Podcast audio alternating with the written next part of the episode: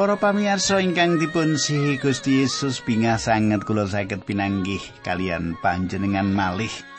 Wekdal ingkang sampun katentokaken radio kesayangan panjenengan menika ndadosaken ing saben-saben kita saged pepanggihan. Nah kateng kula ingkang kula tresnani kula pendeta Pujianto badhe sesarengan kalian panjenengan ing salebetipun adicara margi utami.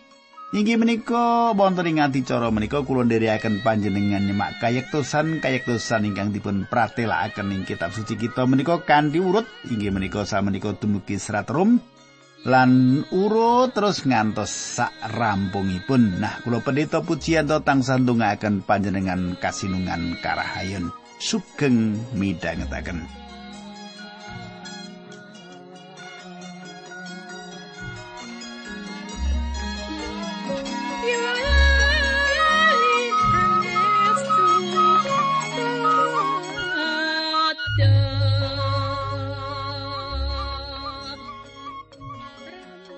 Para pamirsa menapa panjenengan tasih kemutan menapa ingkang kula aturaken untuk nalika pepanggihan kepengker menika nggih.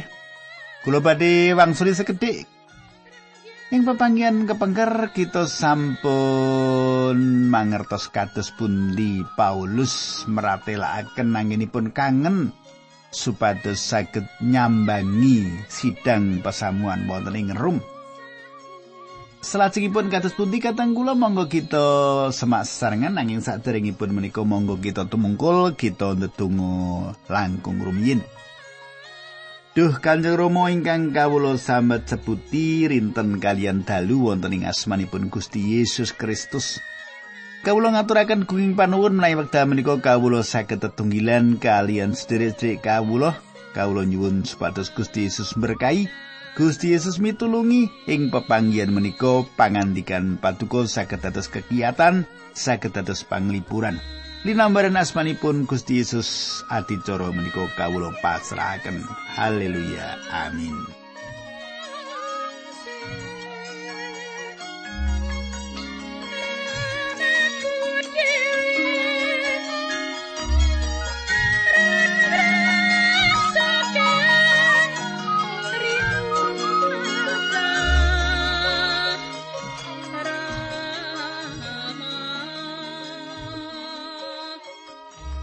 pamirsa, samenika pasinaon kita sampun ngancik ing serat Rom bab setunggal ayat 16. Pasinaon kita sampun ngancik serat Rom bab setunggal ayat 16 kula badhe waosaken ing basa pedinan nggih. Aku yakin yen Injil kuwi panguasane Gusti Allah sing nyelametake wong kabeh sing percaya marang Gusti Yesus Kristus. Luwe-luwe wong Yahudi semenuga wong-wong sing dudu Yahudi. Kulo sikek semanten rumiyin, para pamirsa tembung aku yakin yen Injil kuwi panguasane Gusti ingkang dipun kajengaken nggih menika Sang Kristus. Paulus meratelaken aku utang, aku pengin, aku duwe keyakinan kang teguh. Aku utang, menika satunggalipun pengaken. Aku kepengin, menika meratelaken satunggalipun pangapunten. Aku duwe keyakinan kang teguh menika nunjukaken pambangun turut.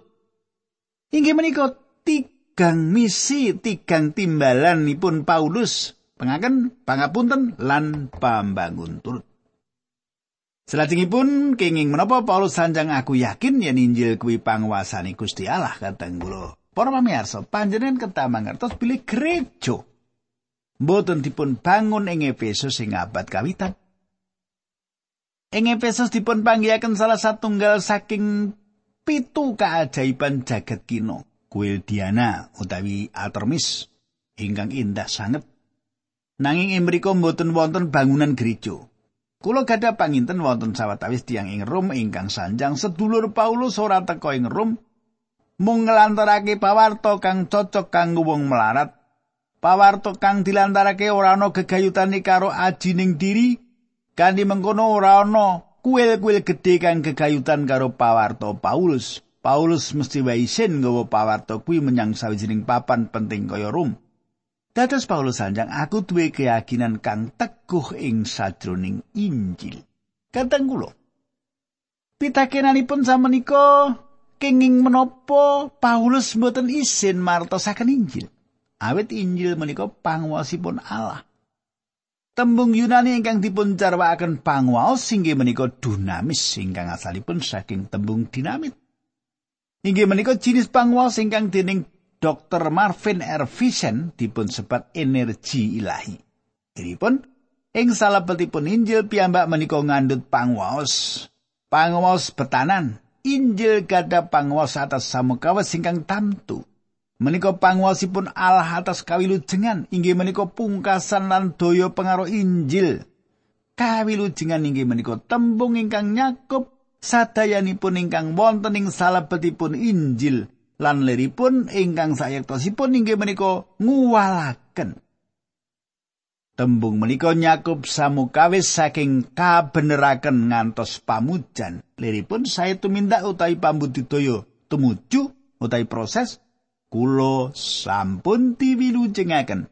Kulo diwilujengaken lan kulo kedah diwilujengaken.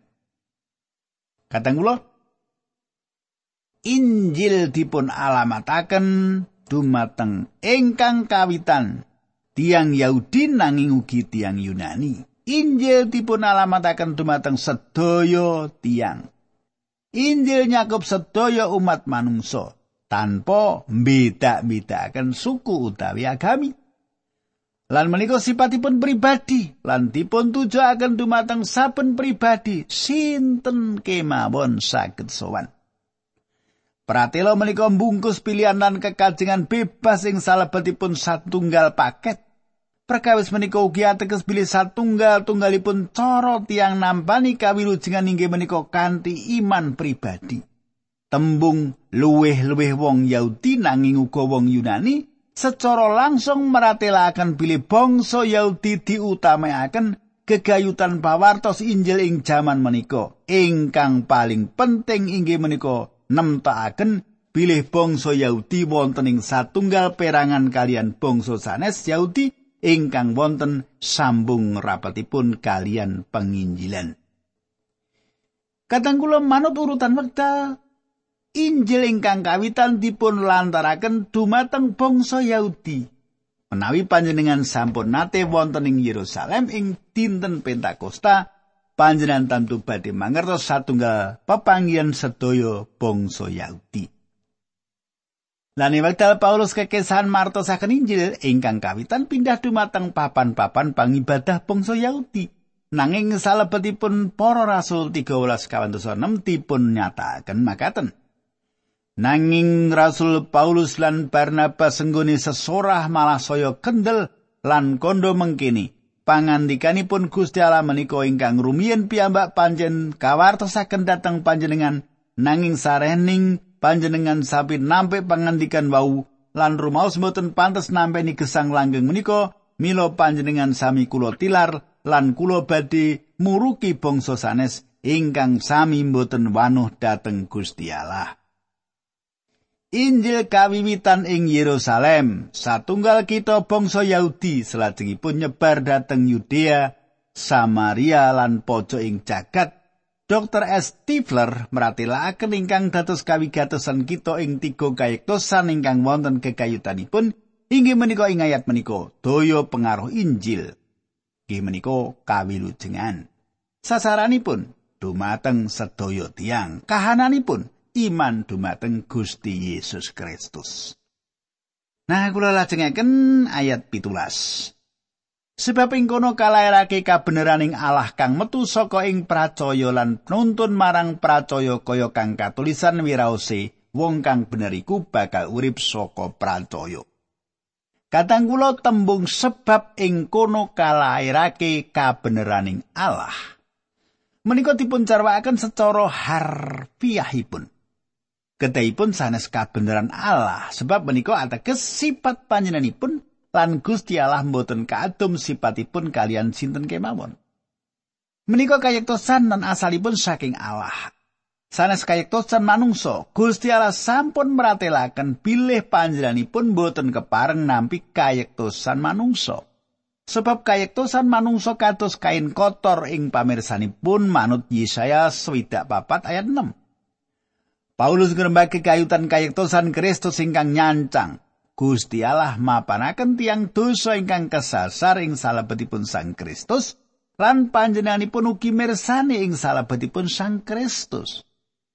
Tiang pitados saestu estu dipun tampi awit saking menapa ingkang sampun dipun tindakaken Sang Kristus kangge tiyang menika. Satunggal-tunggalipun cara nampeni kayektosan menika inggih menika kanthi iman. Menika kayektosan awit saking iman. Panjenengan boten saged ambuti daya kayektosan. Panjenengan boten saged nyimpen kayektosan. Panjenengan boten saged tumbas kayektosan. Boten wonten ingkang saged panjenengan tindakaken kajawi nampeni kayektosan menika kanthi iman. Ing serat Filipi 3 ayat 9 meratelaken lan tumunung ana ing panjenengan iku ora marga saka kabeneranku dhewe kang jalari saka ngalakoni angger-anggering Torat ananging marga saka pracaya marang Sang Kristus yaiku kabeneran peparinge Gusti Allah adhedhasar pracaya. Kadang kula tembung kangge kayektosan inggih menika dikaisune Tembung menika kepanggihaken kaping sangang puluh ing salebetipun perjanjian inggal. Tigang dosa nem wonten ing Rom, gabungan kali tembung kayektosan Allah dipun panggihaken kaping wolu ing serat kiriman. Asal tembungipun dike ingkang liripun nyektos. Keadilan lan beneraken asalipun saking tembung ingkang sami. Dados bener inggih menika liripun dasar ingkang lelawanan kalian dosa. Dr. Kramer nyukani pangertosan ingkang pas menika. Menika kahanan ingkang dipun titahaken Allah lan ngadepi pangadilanipun. Sipat lan tumindak manungsa ingkang andadosaken keparengipun. Kasaenan ingkang ngadamel manungsa saged kegayutan kalian panjenenganipun lan karsanipun dados kegayutan lan ukuran panjenenganipun. Kayaktosan ingkang dipun ngendikaaken panjenenganipun inggih menika menapa ingkang Allah kersakaken lan inggih menika ingkang Allah cawisaken. Inggih menika kayaktosan ingkang asalipun saking Gusti Allah. Kadang kula Tembung kang metu saka ing pracaya lan nuntun marang percaya leripun inggih menika medal lan mlebet ing salebetipun iman kangge iman. Allah milu jengaken panjenengan awit iman, panjenengan kesang awit iman, panjenengan pecah awet iman lan panjenengan wonten ing swarga awet iman. Kula badhe nyukani conto ingkang gampil. Sawetawis taun kepengker ing wekdal kula nglados ing satunggalipun daerah kula ngatosaken wonten ibu ingkang nglairaken Limrahipun sang bidan badhe ngangkat suku bayi digeblek seru. Lajeng bayi menika badhe nangis banter nangis kekejer. Bayi menika dipun lairaken ing jagat ingkang ngandut hawa lan geblekan ingkang seru menika adamel bayi menika ambegan. Laning wekdal tiang dipun lairaken pramila piyambakipun dipun wilujengaken krana iman. Katang kula tembung kaya kang katulisan menika saged kasemak saking Habakuk kali ayat sekawan ing pundi pratela kala wau dipun serat wong kang bener iku bakal urip krana pracaya Tembung menika dipun serat ing salebetipun serat kiriman ageng ing salebetipun perjanjian ingga Rom, Galatia lan Ibrani.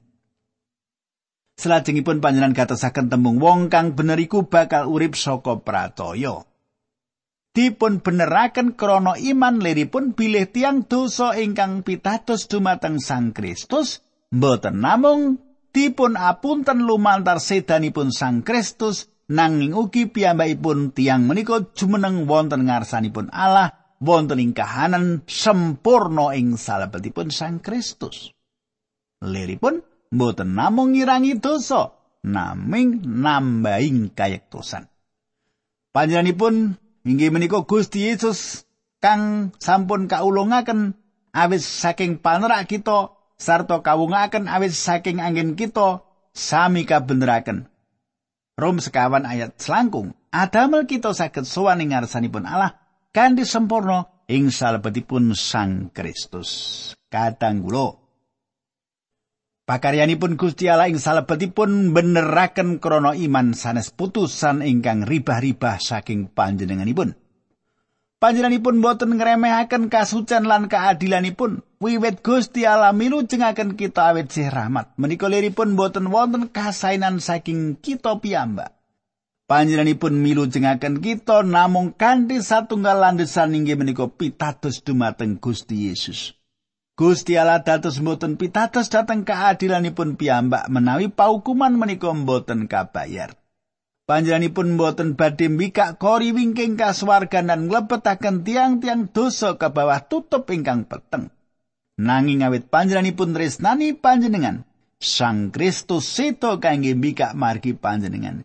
Gusti Yesus Kristus inggih menika margi dhateng swarga. Wiwit Sang Kristus mbayar paukuman atas dosa kita kawilujengan dados kagungan kita. Saka pracaya marang rai. Rom 3 ayat selangkung. Kitung ingkang dipun serat tiang menika panci cocok. Yesus mbayar sedayanipun. Namung dumateng panjenenganipun kula utang.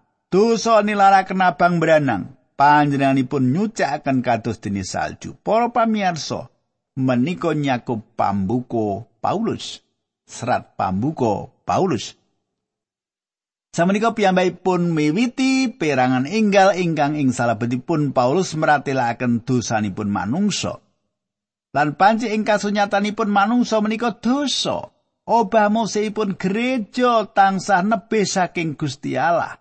Kita saged damel perkawis ingkang ditampi leres bilih jagat menika lepat ing ngarsanipun Allah. Sedaya tiang betahaken kayektosan ing salebetipun perangan menika Paulus mboten budidaya mbuktekaken bilih manungsa menika dosa. Menawi panjenengan maos mekaten panjenengan badhe kecalan menapa ingkang dipun kersakaken. Ingkang Paulus tindakaken namung nyukani mangertos kasunyatan bilih manungsa menika dosa piyambakipun boten namung nedahaken bilih wonten wahyu kayektosan Allah nanging wonten ugi wahyu kekayutan bebentunipun Allah atas dosa manungsa Kula lajengaken ayat 18 sebab bebendune Gusti Allah kelairake saka ing swarga marang sarupaning pambelasar lan durakaning manungsa kang nampi kayektosan marga dening duraka. Rom siji ayat 18. Para pamirsa. Panjenengan katosaken tembung bebendune Gusti Allah kalairake. Ing mriki sayektosipun menawi panjenengan ngersakaken mangertos leripun kawilujengan, pramila panjenengan kedah mangertos kados menapa awonipun dosa menika. Stifler sanjang dosa inggih menika ukuran kawilujengan. Bebentunipun Gusti Allah inggih menika reraosanipun Gusti Allah. Sanes paukumanipun atas dosa. Bebentunipun Allah inggih menika duka kasucianipun. Bebendu menika mengsah ingkang pas saking kayektosan lan ing mriki dipun ginakaken secara wolak-walik. Kadang kula kelairake inggih menika jawaban Gusti Allah kangge tiang-tiang ingkang nyetakaken bilih perjanjian lawas ngemot Gusti Allah kang murka Kamangka ing perjanjian inggal ngemot Gusti Allah ingkang kebaasih. Wonten satunggalipun wahyu ingkang terusan saking murkanipun Gusti Allah sae wonten ing perjanjian lami ugi perjanjian inggal. Menika dipun pratelakaken ing salebetipun wekdal kita ingkang sawetawis. Menika satunggalipun raosan anggenipun Gusti Allah mboten keparang terusan lan makaping-kaping atas piawon. Panjenenganipun mboten ewah kingsir. Gusti Allah menika kebak welas asih mboten awit panjenenganipun ringkih atas tiang dosa nanging awit saking Kristus sedo. Injil mboten ngrembak wawatekanipun Gusti Allah atas dosa. Injil andadosaken katampinipun tiang dosa. Tiang dosa kedah gadah kayektosan ugi kamurkani Allah. Kekalipun dipun pratilaken saking swarga lan panjenengan saged nyeksekaken kekalipun menika ing saben wekdal. Menawi panjenengan kepingin mangertos kados menapa awonipun dosa perkawis-perkawis sakit penyakit kelamin jaman samenika. Panjenengan boten sakit milu jengaken badan panjenengan piyambak. Kulo boten badhe nyukani contoh pribadi nanging kulo sampun dangu sanget dados abdi Gusti kangge ningali malih pengadilanipun Allah atas dosa. Menika dipun nyatakaken saking swarga badhe wonten ugi pengadilan ingkang pungkasan. Kadang kula srajengipun panjenengan gatosaken tembung sarupaning pamblasar, pamblasar kang lelawanan Gusti Allah. Iki menika ingkang nyelai sifat Allah. Oh, kados menapa mboten mursidipun jaman samenika. Wonten kata sanget tiyang ingkang nyepelekaken Gusti Allah. Inggih menika kahanan jiwa, inggih menika dosa. Pamblasar dipun tujaken dumateng manungsa. Anginipun boten mursid dipun tujuaken atas Gusti Allah, nanging pamblasar dipun tujuaken atas manungsa. Leripun menapa? Leripun inggih menika nampik dumateng pepakenipun Gusti Allah. Patrap makaten menika pakaryanipun jiwa utawi nyawa. Tiang ingkang mendem wonten dalan-dalan ngrisak tondo-tondo lalu lintas lan mejahi tiang patrap makaten liripun boten mursid. Tiang menika dosa atas manungsa. Contoh sanesipun inggih menika tiang ingkang goroh ing urusan bisnisipun.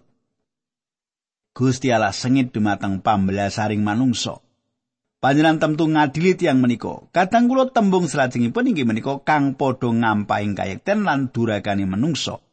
Bebentunipun Gusti Allah dipun pratelaken atas tiang-tiang ingkang nindakaken makaten menika. Ayat 19. Ujar kang kena dikawuri mungguh ing Allah iku wis kacetha ing wong mau marga wis dilairi dening Allah.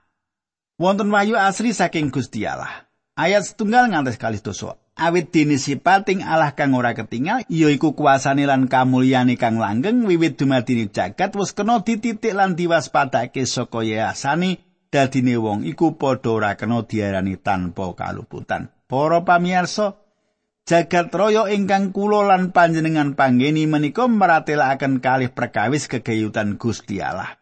Pribadi lan pangwasipun. Perkawis menika ketingal cetha saking jaman ing jaman wiwit jagat dipun titahaken. Kados pundi saged perkawis ingkang boten kasat meripat menika saged ketingal. Paulus adamel tembung lelawanan menika kanthi tujuan nyukani pangimut-imut dumateng ingkang maos bilih pepadang jagat ingkang mleret inggih menika goroh ingkang dipun damel manungsa. Yayasan inggih menika padang ageng saking pratelo inggih menika pambukan ingkang keran ingkang utami. Priyantun Mazmur, priyantun ingkang nyerat Mazmur sanjang. Menawi kawula tumenga ing langit ningali pakaryan paduka nyawang dateng rembulan dan lintang-lintang ingkang paduka tata. Menika Mazmur 8 ayat sekawan. Lan ugi Mazmur 19 ayat kali. Langit nyeritakake kamulyane Allah lan akoso meratelake yayasaning astani. Para pamirsa, kekiyataning panjenenganipun ingkang langgeng lan sifat kealahanipun. Kegiatan lan sifat kealahanipun ingkang langgeng, kegiatan lan pribadi yayasanipun meratelaken kegiatan lan kawontenanipun Allah ingkang boten ewah gingsir ing salebetipun para rasul kawan belas ayat pitulas. Paulus meratelaken kasainanipun Gusti Allah menika katitik saking anggenipun maringi jawah saking langit sarta panen miturut mangsanipun panjenenganipun maringi tedha dateng panjenengan lan maringi kabingan dateng manah panjenengan lan awit kita sedaya inggih menika tedhak turunipun sanes lari Gusti Allah Paulus sanjang ing para rasul pitulat ayat 29 Sarene kita menika para putranipun Gusti Allah mila boten leres menawi kita nganggep pilih kawontenanipun Gusti Allah menika kados reca ingkang kadamel saking emas sloka utawi selo ingkang kawangun miturut kapinteranipun manungsa. Kadang kula Dr. James Denny nyerat wonten satunggalipun perkawis ing salebetipun manungsa ingkang nyaket kanthi cetha liripun sedaya perkawis ingkang wonten jawi ingkang dados urusan kawruh naluri Allah. Manut kula sakalenggan ingkang konyol ingkang saged dipun tepeng manungsa inggih menika ateisme. Ing wekdal priyantun ingkang nyerat Mazmur 11 ayat tunggal tanjang wong bodho kandha ing sajroning atine Allah kuwi ora ana. Tembung tiang bodho leripun tiang edan. Leripun tiang saged dipun mestani edan menawi piyambakipun nampi kawontenanipun Gusti Allah. Kadang kula tembung salajengipun inggih menika dadi wong-wong mau ora kaapura. Yayasanipun cetha meratelaken dumateng Allah bilih manungsa mboten kaapunten. Perangan menika meratelaken landesan sejarah saking dosa manungsa. Perkawis menika mboten ketinggal mengkatan kemawon menika satunggalipun pambalelo dipun sengaja ke bawah sunar ringkang padang. Nah para pamirsa menapa malih ingkang dipun pratelaken serat menika kita ndek wonten mriki riyin salajengipun badhe kita semak ing pepanggihan ingkang badhe tumugi. Monggo kita ndedonga sesarengan. Duka Kanjeng Rama matur nuwun sanget menawi wedal menika kawula kasiraman pangandikan paduka Gusti, kawula nyuwun Gusti berkahi supados pangandikan ingkang kawula sampun andharaken dados pepadang kangge sedherek kawula menika. Dinambaran asmanipun Gusti Yesus Kristus kawula netunggal haleluya. Amin.